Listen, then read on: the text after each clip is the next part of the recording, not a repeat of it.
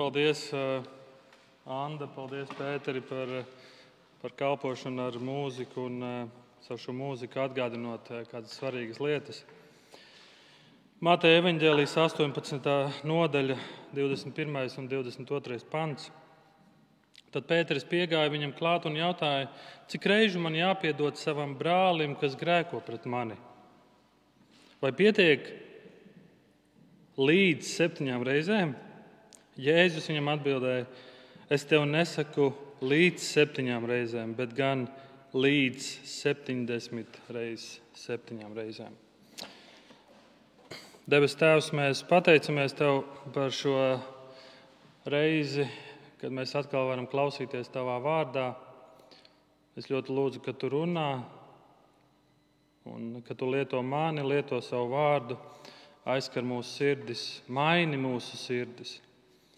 Tā ir tā lieta, kas ir nepieciešams, ka mūsu sirdis mainās, mūsu attieksme mainās, mūsu attieksme pret tevi.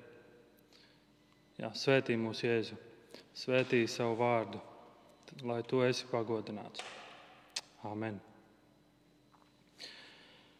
Reiz kāds advokāts, pārdomājot vairākus Bībeles pantus, līdzīgi kā Tabits stāstīja, kad viņi sēdēja un domāja par Dieva vārdu, Arī kāds advokāts sēžot un domājot par Bībeles pantiem, viņš nolēma dzēst parādus visiem saviem klientiem, kuri bija viņam parādā pēdējos vairāk nekā sešus mēnešus.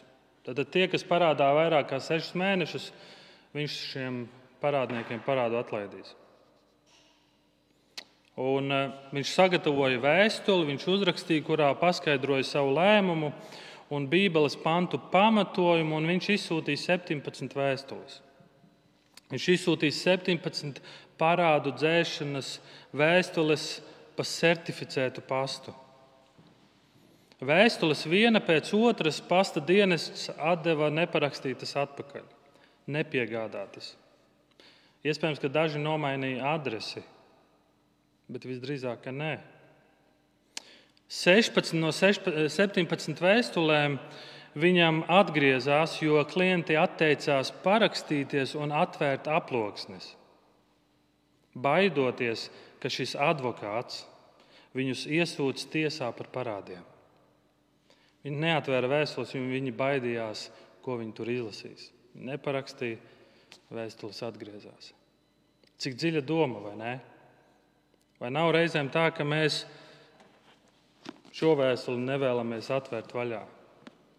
Mēs, mēs zinām, ka mēs esam parādnieki, mēs esam parādā par grēku, un Dievs ir vienīgais, kurš to var atcelt.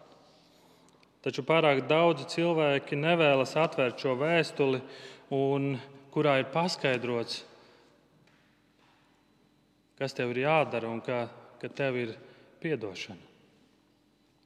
Šodien es aicinu, un tāpēc mēs vērsim šo vēstuli vaļā un mēģināsim skatīties kopā uz šo šodienas otrās sērijas jautājumu, kad Dievs piedod. Kas notiek? Kas notiek, kad Dievs piedod? Kas notiek, kad Dievs piedod? Šodien es esmu sagatavojis arī vairākus objektus, lai to vieglāk saprastu un uztvertu. Kad Dievs piedod, Viņš dod apģērbu. Jā. Tad, kad es atveru vaļā vēstuli no Dieva, pašā pirmajā grāmatā es lasu, kad viena no pirmajām lietām, kad Dievs piedod, Viņš dod apģērbu. Skaisti, vai ne? Manai mazajai meitiņai ļoti patīk spēlēt paslēpes. Un es atceros, kad viņa bija pavisam maziņa. Tad viņai paslēpes īsti neizdevās eh, spēlēt, jo viņa noslēpās, un tad viņa uzreiz atklāja, kur viņa atrodas. Bet tad viņa paaugās, un, un tagad viņu ir grūtāk atrast. Viņa ir viltīgāka, viņa atrod visādas vietas, kur paslēpties. Bet tik un tā es zinu, ka viņa atrodas šajā telpā, viņa atrodas šajā istabā. Es viņu atradīšu. Tad, kad mēs lasām pirmo mūsu grāmatu, mēs atveram šo dievu vēstuli, mēs lasām, ka pirmie cilvēki, mūsu senči, arī slēpjas. Viņi slēpjas. Viņi slēpās no Dieva. Jā, tu teiksi, absurds, kāpēc no Dieva neviens nevar noslēpties, kāpēc cilvēki slēpjas. Bet vai nav tā, ka mēs paši slēpjamies no Dieva? Mēs zinām, ka no Dieva nevar noslēpties, bet tomēr mēs slēpjamies. Bet tas nenotika bez iemesla. Mūsu cenšas piemānīt čūska, sātans. Viņi grēkoja pret Dievu. Viņi darīja to, ko Dievs teica nedarīt. Un viss izmainījās, visa vēstures gaita izmainījās. Viņiem bija kauns, un viņi šo kaunu centās noslēpt.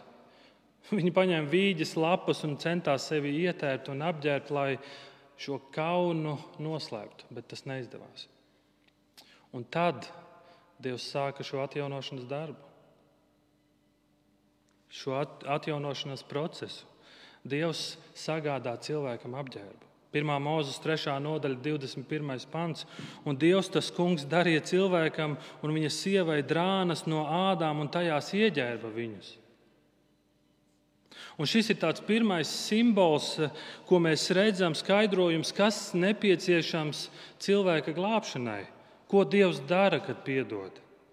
Šī dzīvnieku āda Tas drēbes, no kā cilvēki, cilvēkiem bija, tas bija no dzīvnieku ādas. Un šī dzīvnieku āda simbolizē nepieciešamību izliet asinis grēku izpirkšanai. Kad Dievs piedod, Viņš dod apģērbu. Un tur redzi, piedošana ir kaut kas redzams.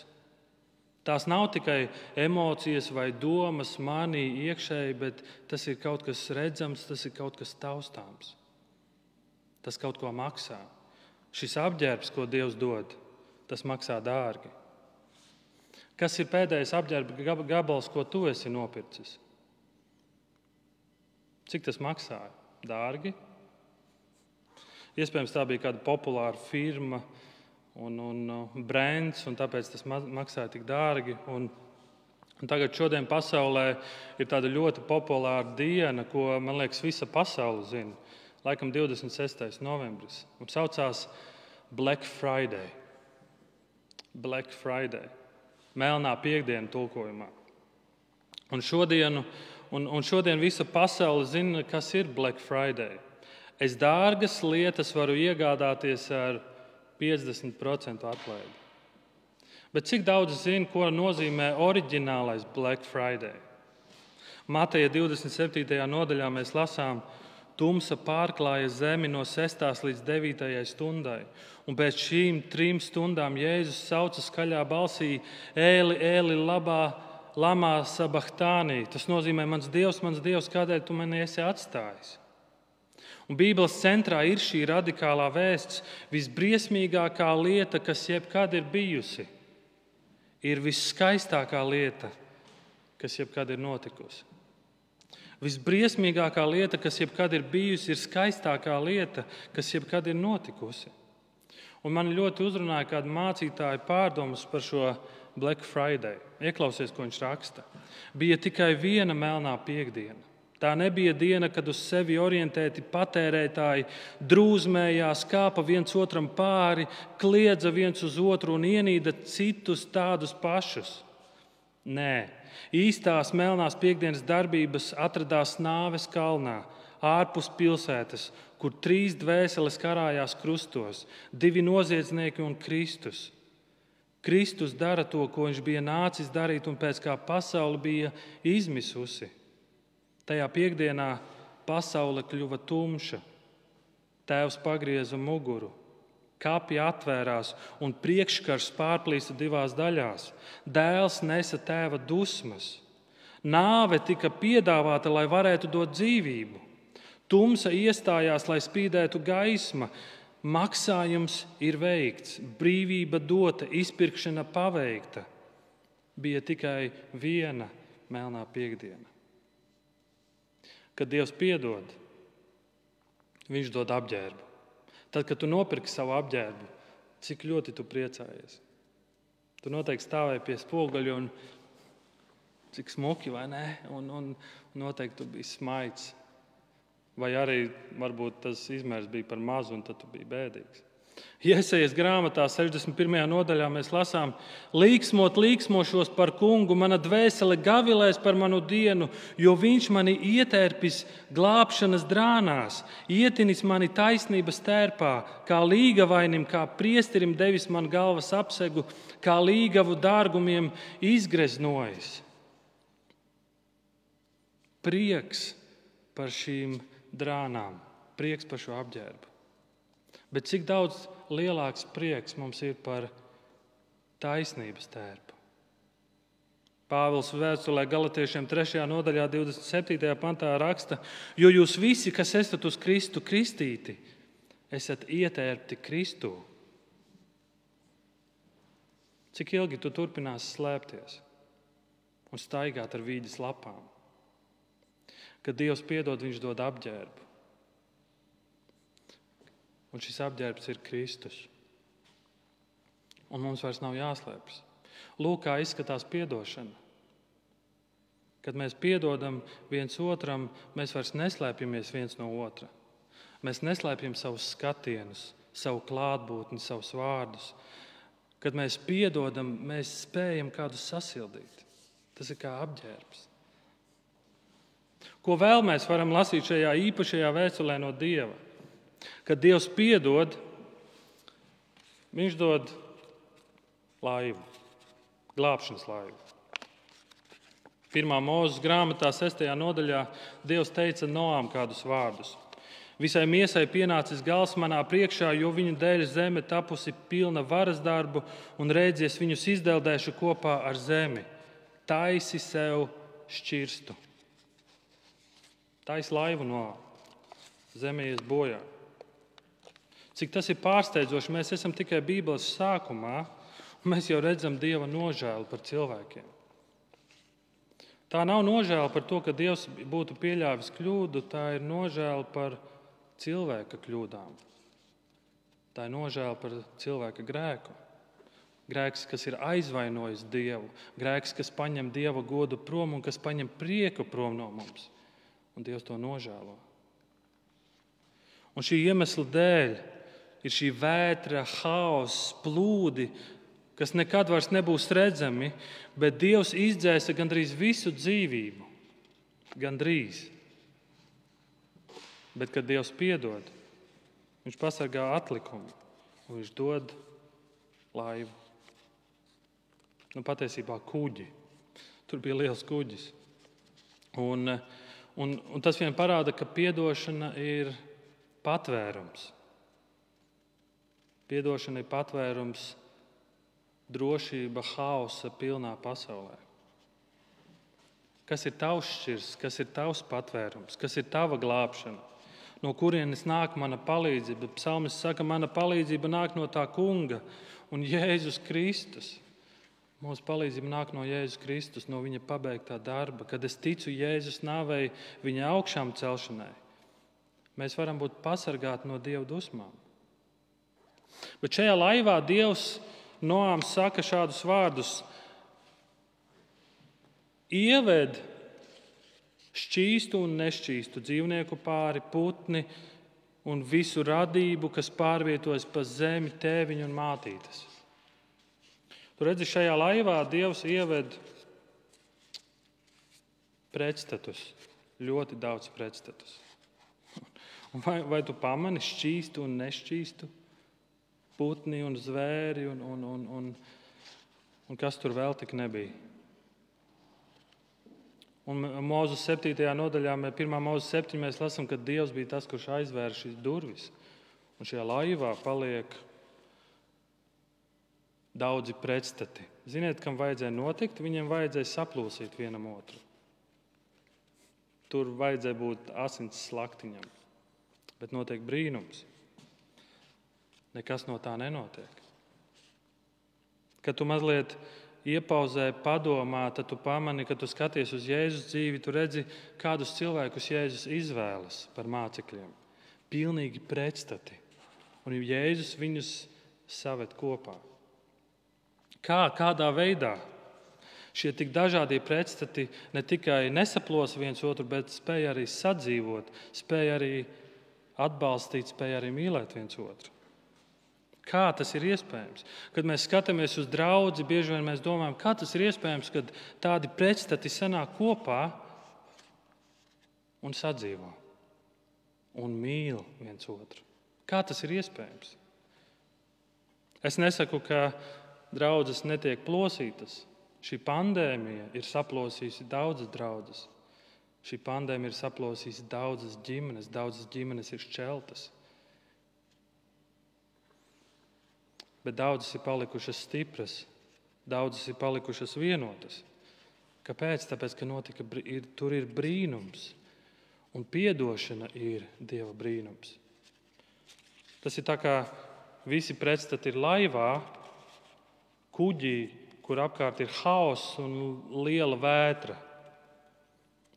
Bet ja šajā laivā ir Jēzus Kristus, tas nekas arī, ja viņš guļ tad tu vari zināt, ka tā ir drošība.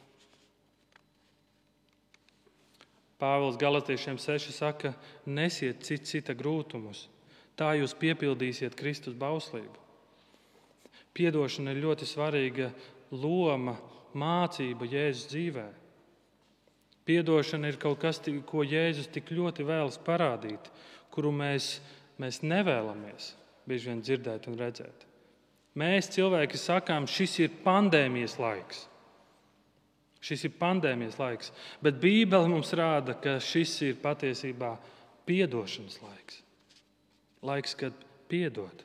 Piedošana dod patvērumu, tā dod drošības sajūtu, piedošana spēja glābt no hausa, kad tu kādam piedod. Tas ir kā tāds patvērums hausa laikā. Vēl viena lieta, ko mēs varam redzēt, ir, ka Dievs piedod, Viņš dod brīvību. Viņš dod brīvību. Otrā mūža grāmatā mēs lasām trešajā nodaļā, un kungs teica uz mūzu: Redzēt, es redzēju manas tautas apspiestību Eģiptē, un es dzirdēju viņus brēcam par vagariem, jo es zinu viņu ciešanas. Esmu nācis izglābt viņus no eģiptiešiem un aizvest viņus no tās zemes uz labu un plašu zemi, uz zemi, kur plūst piens un medus. Eģipte Bībelē ir šis verdzības simbols, un šī tauta nespēja pati sevi atbrīvot no šīs nastes. Tāpēc Dievs iejaucas. Kā? Dievs, kad Dievs piedod, Viņš dara ļoti daudz brīnumus. Un tā Dieva tautas izvešana no Eģiptes notika tik brīnumainā veidā. Tur notika tik daudz brīnumu. Un atdošana vispār ir brīnums. Jo atdošana ir spēks, kas tevi atbrīvo no smagas nastas. Piedošana ir spēks, kas tevi atbrīvo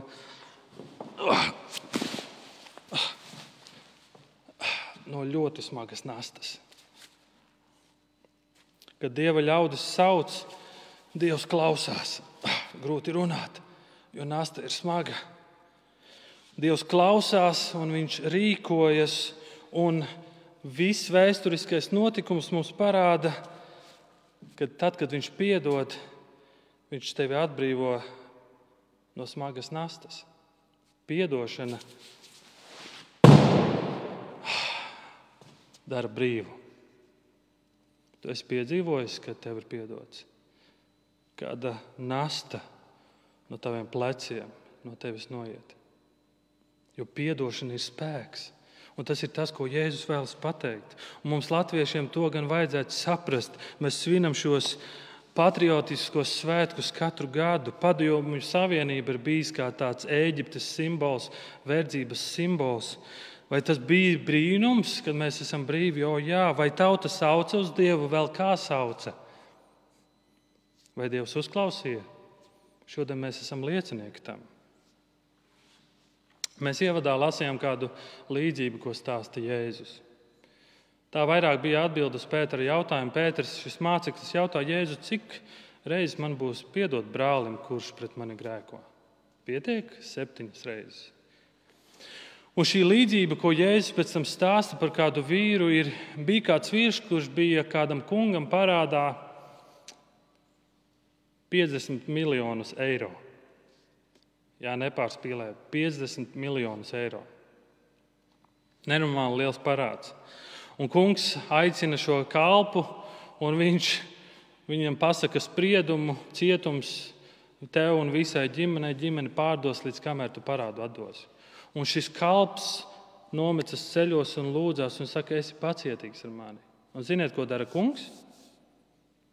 Viņš ne tikai ir pacietīgs, viņš piedod. Viņš atlaiž visu parādu, tu esi brīvs. Var iedomāties šo nastu. Tu biji parādā 50 miljonus eiro, tu saproti, tu visā savā dzīvē neatdos to. Un tev saka, tu esi brīvs. Bet tad ir šis turpinājums. Līdzīgi kā tauta, kas tika izvesta no Ēģiptes, līdzīgi kā mēs, Latvieši, bieži vien, mēs bieži vien aizmirstam, kas mums ir dots. Un Mēs esam aizmirsuši, cik lielu atdošanu mēs esam saņēmuši. Un, kad mēs aizmirstam par Dieva atdošanu, mēs kļūstam piekasīgi. Mēs nespējam piedot tam, kurš man parādā centus vai dažus simtus. Un ko mēs darām? Mēs sākam žņaukt. Mēs sākam žņaukt. Nepiedošana žņaudz. Tā žņaudz otru cilvēku. Kad Dievs piedod, Viņš dod brīvību. Jāņa 8,36 mēs lasām, ja nu dēls jūs atbrīvos, jūs patiesi būsiet brīvi. Jēzus Kristus ir mūsu brīvība. Caur Jēzu Dievs dod šo lielo atdošanu, un mēs kļūstam patiesi brīvi.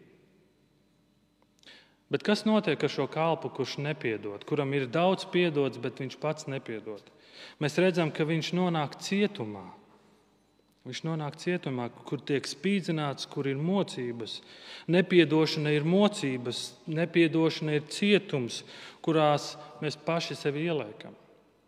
Man sieva atsūtīja kādu citātu. Es nezinu, kas šo citātu ir teicis, bet tas citāts skan šādi: Piedošana nozīmē cietumnieka atbrīvošana no cietuma. Un apjaust un saprast, ka šis cietumnieks esi tu pats. Šis cietumnieks esi tu pats. Kad Dievs piedod, Viņš maina lokāciju. Viņš maina lokāciju. Jāņa evanģēlijas 3. nodaļa, 16. pāns, tik ļoti pazīstams pāns. Un mēs lasām, Jo Dievs tā pasauli mīlēja, ka deva savu vienpiedzimušo dēlu, lai ik viens, kas viņam tic, nepazustu, bet tam būtu mūžīgā dzīvība. Jāņa evanģēlijas mums atklāja, ka kāds ir Dieva atdošanas plāns, un Viņš pats nāk uz šo pasauli. Viņš nāk uz šo pasauli, kur neviens viņu negaida, neviens viņu nepazīst, uz pasauli, kurā ir pilns ar grēku un netaisnību. Kāpēc viņš nāk? Vai tāpēc, ka viņam nebija ko darīt? Vai Jēzus nāca tāpēc, ka viņš sēdēja savā istabā, tur debesīs, un viņam pārlika garlaicīgi, un viņam vajadzēja asas izjūtas? Nevis tāpēc. Viņš nāca tāpēc, ka citādāk nemaz nevarēja. Citādāk ar grēku tik galā nav iespējams. Viņš iekāpa mūsu mēslos, kuros dzīvojam. Un tas, tas satraucošais, ko mēs redzam, ir Dievs pats darbojas ar mūsu netīrumiem. Dievs pats darbojas ar mūsu netīrumiem. Kāpēc viņš to dara? Lai piedotu un lai nestu Dieva un lai pasludinātu visai pasaulē Dieva piedošanu. Evangelija mums daudz stāsta par to, ko Jēzus ir mācījis, par Jēzus brīnumiem, ko viņš ir darījis, un par dažādām vietām, kur viņš ir devies. Viņš visur ņēma līdzi savus mācekļus, un ar noteiktu domu viņš gribēja kaut ko viņiem iemācīt. Šiem jūdu bariņam. Jāņa evanģēlijas 4. nodaļā mēs lasām, Jēzus dodas uz kādu vietu, bet pa ceļam bija reģions, ko sauc par Samariju. Un parasti jūdi gāja ar līkumu šim reģionam. Bet Jēzus mērķiecīgi devās cauri šai Samarijai, ko jūdi sauc par pagānu vietu, pagānu reģionu. Mēs pat kāju tur nevēlamies spērt. Nodevēju reģions. Bet Jēzus dodas cauri. Kāpēc viņš to dara? Jēzus mērķiecīgi dodas tieši caur šo reģionu, lai satiktu kādu sievieti pie akas, lai palīdzētu viņai smelt ūdeni un lai viņai nekad, nekad vairs neslāpst. Jēzus nes piedošanu. Un tad, kad, nespied, kad viņš nes piedošanu, tā remdē slāpes. Tev vairs nekad neslāpst. Piedošana remdē visdziļākās slāpes. Un Marka evanģēlijā stāsta, stāsts ir, ka Jēzus ar mācekļiem dodas pāri jūrai uz otru krastu. Tur ir Gadaras reģions, un šī ir vieta, kur Jēzus dziedina dēmonu apsēsto. Šī ir vieta, kur vesels ganāmu pulks ar cūkām iekrīt, krīt no kraujas lejā un iet bojā. Šis ir pagānu reģions un kārtīgs jūts, tur kāju nespertu. Jēzu, kā tu jūties, būdams, vari doties uz šo vietu. Baušļi mums māca, ne tikai mēs nedrīkstam ēst cūku, mēs nedrīkstam pat audzēt cūkas. Un mēs tagad dodamies uz šo reģionu. Ko, ko, ko tu ar to gribi mums pateikt? Jēzus mērķiecīgi veid šos mācekļus uz šo ienaidnieka teritoriju. Kas ir tavā dzīvē šī ienaidnieka teritorija, kur tu nevēlies doties? No kā tu baidies? Piedošana nozīmē doties uz vietām, kur mēs nevēlamies doties. Un Dieva valstība šeit uz zemes ir šī jaunā piedošanas kustība. Un zini, kas ir šī jaunā piedošanas kustība? Tā ir draudzene. Šī piedošanas kustība, kas iet, un, iet uz vietām, kur neviens nevēlas doties. Es gribu ticēt, ka Daudzi no jums skatās dievkalpojumu domā, kā es gribētu būt atpakaļ Vīlandē, kad mēs visi varam sanākt kopā. Mēs, es ticu, ka mēs visi to vēlamies. Bet varbūt kāds no jums, kurš skatās, domā, es labāk palieku pie saviem ekrāniem. Es nevēlētos doties uz Vīlandi, būt klātienē, tāpēc ka Vīlandē ir kāds cilvēks, kuram es nespēju paskatīties acīs. Es negribu viņam būt blakus, es negribu ar viņu runāt ja tas ir tavs gadījums, tad šī ir tā ienaidnieka teritorija, kur tev jādodas, kur Jēzus tevi ved. Šis ir tas laiks, šī ir tā diena, kad tev varbūt jāpaceļ telefons un jāzvana, lai savieno tevi ar šo ienaidnieku. Un tu prasi atdošanu vai pieņem atdošanu. Kad Dievs piedod, Viņš uzklāja galdu. Jā, šodien viss ir iepakots, ziniet, drošības apsvērumu dēļ. Bet Dievs uzklāja galdu. Un tas ir vienkārši brīnumaini, ka tu lasi, ko tas nozīmē Bībelē. Mateja 26. nodaļā mēs lasām, mīlestības laikā Jēzus ņēma maizi, svētīja, lauza un deva to saviem mācekļiem, sacīdams: Ņemiet un ēdiet, tā ir mana miesa Viņš paņēma biķeri, pateicās un deva to viņiem sacīdams: Dzeriet visi no tā, tas ir manas jaunās darības asinis, kas par daudziem tiek izlietas grēku piedošanai. Ja es stāstu par vīnu un par maizi, un kad mēs domājam par svētā vakarēdienu nozīmi, tad mēs, not, mēs uzreiz iedomājamies, ka tas simbolizē, Jēzus saka, asinis simbolizē piedošanu. Jā, un tā ir taisnība. Un arī Jēzus miesa ir šī maize. Un ko tā simbolizē? Tā arī simbolizē atdošanu. Un tas ir pareizi. Bet, bet vai tas ir viss? Mēs Bībelē, vecajā derībā lasām, kad, ko nozīmē šī maize un kā vecā derība runā par šo maizi. Un mēs lasām, ka otrajā mūža grāmatā mēs lasām par šo mannu tūkstnesī. Kas ir šī manna tuksnesī? Tā ir maize no debesīm. To, par to runā pravieši Nehemijas grāmatā 9.15. un pats Jēzus Jāņa 6 par to runā. Kas ir šī debesu maize, kas ir šī debesu manna un ko tas nozīmē? Šī manna nozīmē, ka tu vari paļauties uz Dievu. Ka tev ir atdošana, bet ka tev pietiek ka tu būsi pietiekams. Jāņa 6,35. Jēzus saka, es esmu dzīvības maize, kas nāk pie manis, tam nesauks, un kas man tic, tam neslāps, neslāps ne mūžam. Un kad mēs nākam pie vakarēdiena, ko mēs šodien arī esam aicināti darīt, kad mēs nākam, mēs atgādinām, ka mums ir piedots. Kristus mums ir piedevis, Kristu mums ir piedošana, bet mums arī pietiek ar Kristu. Kad mēs laužam un mēs ēdam šo maizi, mēs pasakām arī, mums ne tikai piedots, bet arī šodien un uz priekšu mums pietiek ar Kristu. Mums pietiek ar Dievu, mums pietiek ar to, ko Dievs ir devis. Kad Dievs piedod, Viņš klāja galdu. Šajā piedošanā mēs gūstam apmierinājumu, mēs gūstam mieru, mēs gūstam atpūtu, labas sarunas. Bet ir vēl viens svarīgs aspekts. Galdu klāja pats Dievs. Un pats Dievs ir tas, kurš kalpo pie galda. Pirms vakarēdienas Jēzus Jāņa 13. mēs lasām, ka Jēzus mazgā mācekļiem kājas. Un ziniet, ko viņš saka? Viņš jautā viņiem, vai jūs saprotat, ko es esmu jums darījis? Jūs saucāt mani skolotājs un kungs un pareizi sakāt, jo es, es tas esmu. Ja nu es, kungs un skolotājs, esmu jums mazgājis kājas, tad pienākas, ka arī jūs cit, citam mazgājat kājas. Kalpošana ir šis mūsu aicinājums. Mūsu kungs mums kalpo. Lūk, mūsu piemērs. Jēzus kalpoja mums, viņš pazemojās līdz nāvei, līdz pat krusta nāvei. Un tāpēc atdošana ir tik brutāli svarīga lieta, bet tā ir ļoti grūta lieta, jo piedot nozīmē pazemoties. Un man tādam lepnajam Eiropietim to ir grūti bieži vien pieņemt.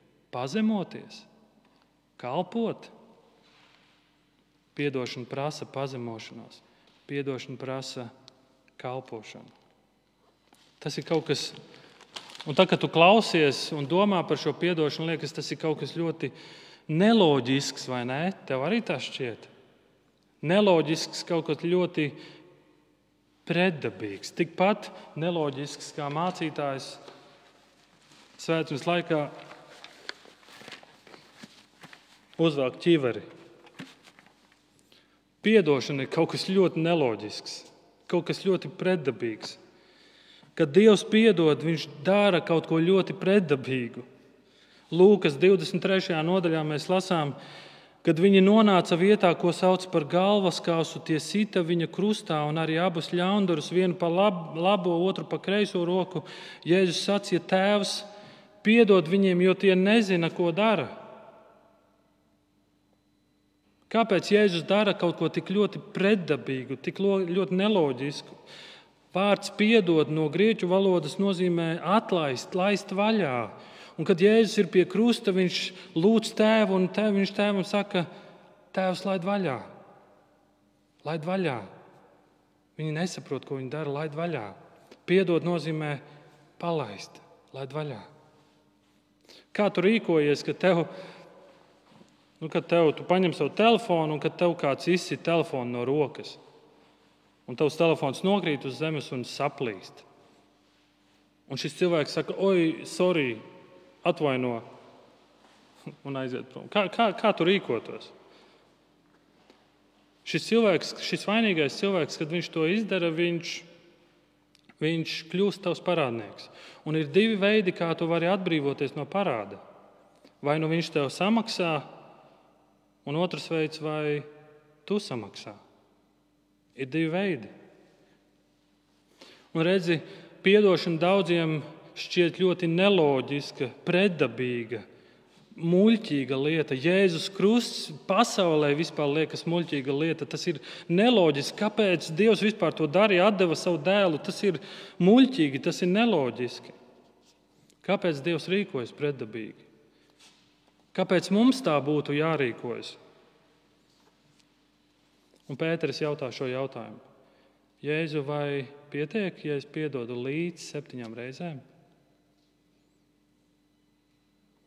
Jēzu, ko tu par to saki?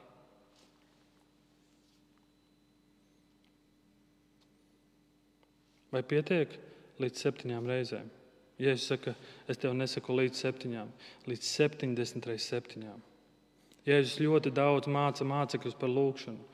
Tāpēc viņš, dod, Viņš māca viņam lūgšanu, un šajā lūgšanā viņš iet, tēvreizē ietver šo aspektu par piedošanu. Piedošana nav, kad es ignorēju vai aizmirstu. Tas nenozīmē piedot. Tas jau nebija nekas liels. Gan jau pāries. Tam ir vajadzīgs laiks. Laiks dziedē konfliktus. Jūs esat dzirdējuši tādu teikumu. Laiks dziedē konfliktus. Bet ziniet, kā ir patiesībā? Laiks dziedē atrisinātus konfliktus. Piedošana nav attaisnošanās, kad es attaisnoju savu vainu, un patiesībā tu neatvainojies, bet tu attaisnojies. Tā nav piedošana. Piedošana nav samierināšanās, un parasti saka, nu, lai notiktu piedošana, tur jābūt diviem cilvēkiem. Bet Dievs bija viens, un Viņš bija pirmais, kurš rīkojās. Viņš bija pirmais iniciators. Piedošana ir iespējams, ja ir viens, kurš inicijē, kurš iet, kurš rīkojas. Piedošana nav, ka likuma pārkāpējs aizbēg no sekām un tiesas.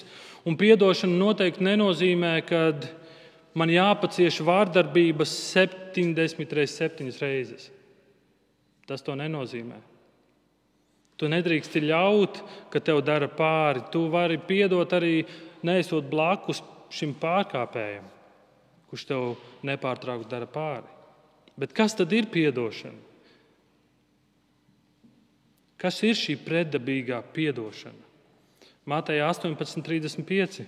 Tā arī mans debesu Tēvs jums darīs, ja jūs ik viens savam brālim no sirds nepiedosiet. Paliks karsti. Piedošana ir izmaiņas tavā sirdī.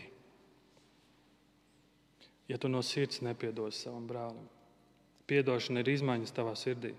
Nesen Latviju pāršāca ziņa par Mārtiņa Brauna nāvi, un Markus man atsūtīja ļoti labu citātu, ko teica mūziķis Ainars Mielavs. Es citēju. Pirms pāris gadiem viņš man piezvanīja meliņu sakarā, jautājot, kā ar strazdiem cīnīties. Pēc mirkļa viņš teica apmēram sekojošu: Tu man lūdzu piedot, ka savulaik par tevi domāju tā un tā. Es teicu, ka neko sliktu neatceros, bet Mārtiņš, es jau arī neko neteicu, tikai padomāju. Kaut man pašam pietiktu vīrišķības un drosmes rīkoties tāpat, kad laikam ejot pats saprastu savu maldīšanos un nievājošās domas par cilvēkiem. Mīlestībā draugs tavs Ainars. Es jau neko neteicu, es tikai padomāju. Piedošana ir izmaiņas tavā sirdī. Tas, kā tu domā, tas, kā tu izturies, kā tu runā.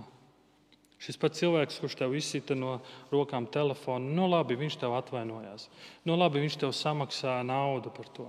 Un tu aizej mājās, un pirms gulētiešanas, ko tu dari? Kas ir tavas domas par šo cilvēku? Pirms gulētiešanas tu šo domu atspēlē, izspēlē no jauna kā tādu filmu. Un tu atkal izspēlēsi šo scenāriju, kā viņš gāja garām, viņš tev izsita telefonu, un pēkšņi šajā filmā tu reaģē, tur ir sitiens, tur ir pļauka. Un pēkšņi tu saproti, tev šī filma sāk patikt. Bet lūk, ko Jēzus saka par šo pretdabīgo rīcību. Piedošana ir sirds jautājums. Un piedošana patiesībā pašos pamatos ir ticība Dievam jautājums. Kāda ir tava ticība uz Dievu? Kā tu redzi Dieva, kā tu redzi Kristus piedošanu tavā dzīvē?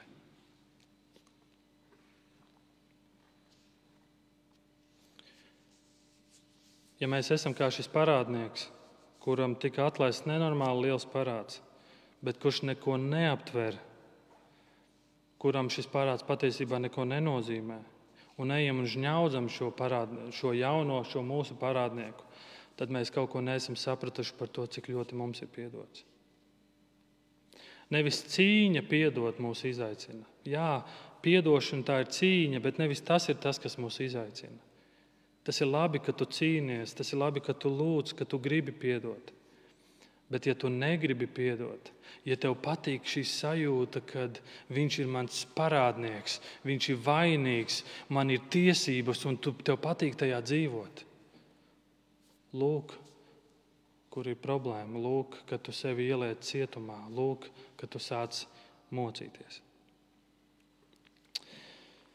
Un pēdējā lieta šodien, ko es gribu teikt, kad Dievs piedod, Viņš dāvā dāvanu.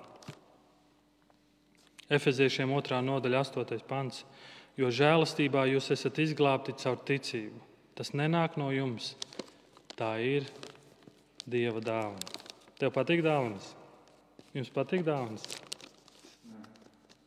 Patīk, visiem patīk. Un šajā adventas laikā mēs tik ļoti daudz domājam par dāvanām, skraidām pa veikaliem un skatāmies un domājam, meklējam online, ko dāvināt tam un tam, un, un, un tu gribi pārsteigt. Un, un, un. Bet varbūt labākā dāvana šajā adventē, ko tu kādam vari dot, ir atdošana. Varbūt tu nevienu neesi aizvainojis. Bet varbūt kāds tevi ir aizvainojis, un viņš nav tevi atvainojis vai pat nav aizdomājies. Bet tu nevari paskatīties viņam acīs. Varbūt tava labākā dāvana ir iet un būt šim iniciatoram un izrunāties. Viena no labākajām dāvanām, ko tu vari darīt, ir uzdāvināt kādam šo atdošanas dāvanu. Piedošanas dāvanu, ko Dievs ir devis tev. Un tāpēc es aicinu, ka šodien, kad mums ir iespēja nākt uz dievkalpojumu, baudīt vakarēdienu, varbūt pirms vakarēdiena tev kādam ir jāuzvana. Varbūt ar kādu jāsarunā tikšanās, vai kādam ir jā, jā, jāatvainojas, vai jāuzraksta kādam īziņa. Bet varbūt tu esi viens no tiem, kurš domā, Raimond, tev viegli teikt, bet man ir tik grūti piedot. Un, ja tu vari doties uz šejienu, mēs kopā lūgsim, mēs kopā lūgsim ar tevi, lai Dievs dod, dod spēku tev piedot. Mēs kopā baudīsim vakarēdienu, un mēs atcerēsimies, ko Kristus ir darījis mūsu dēļ, un mēs kopā lūgsim, lai Dievs dod tev spēku piedot. Bet varbūt tu esi viens no tiem, kurš domā, žēl, ka es esmu tik tālu. Bet nebēdā. Tev ir iespēja uzrakstīt mācītājam ģirtam, Markum.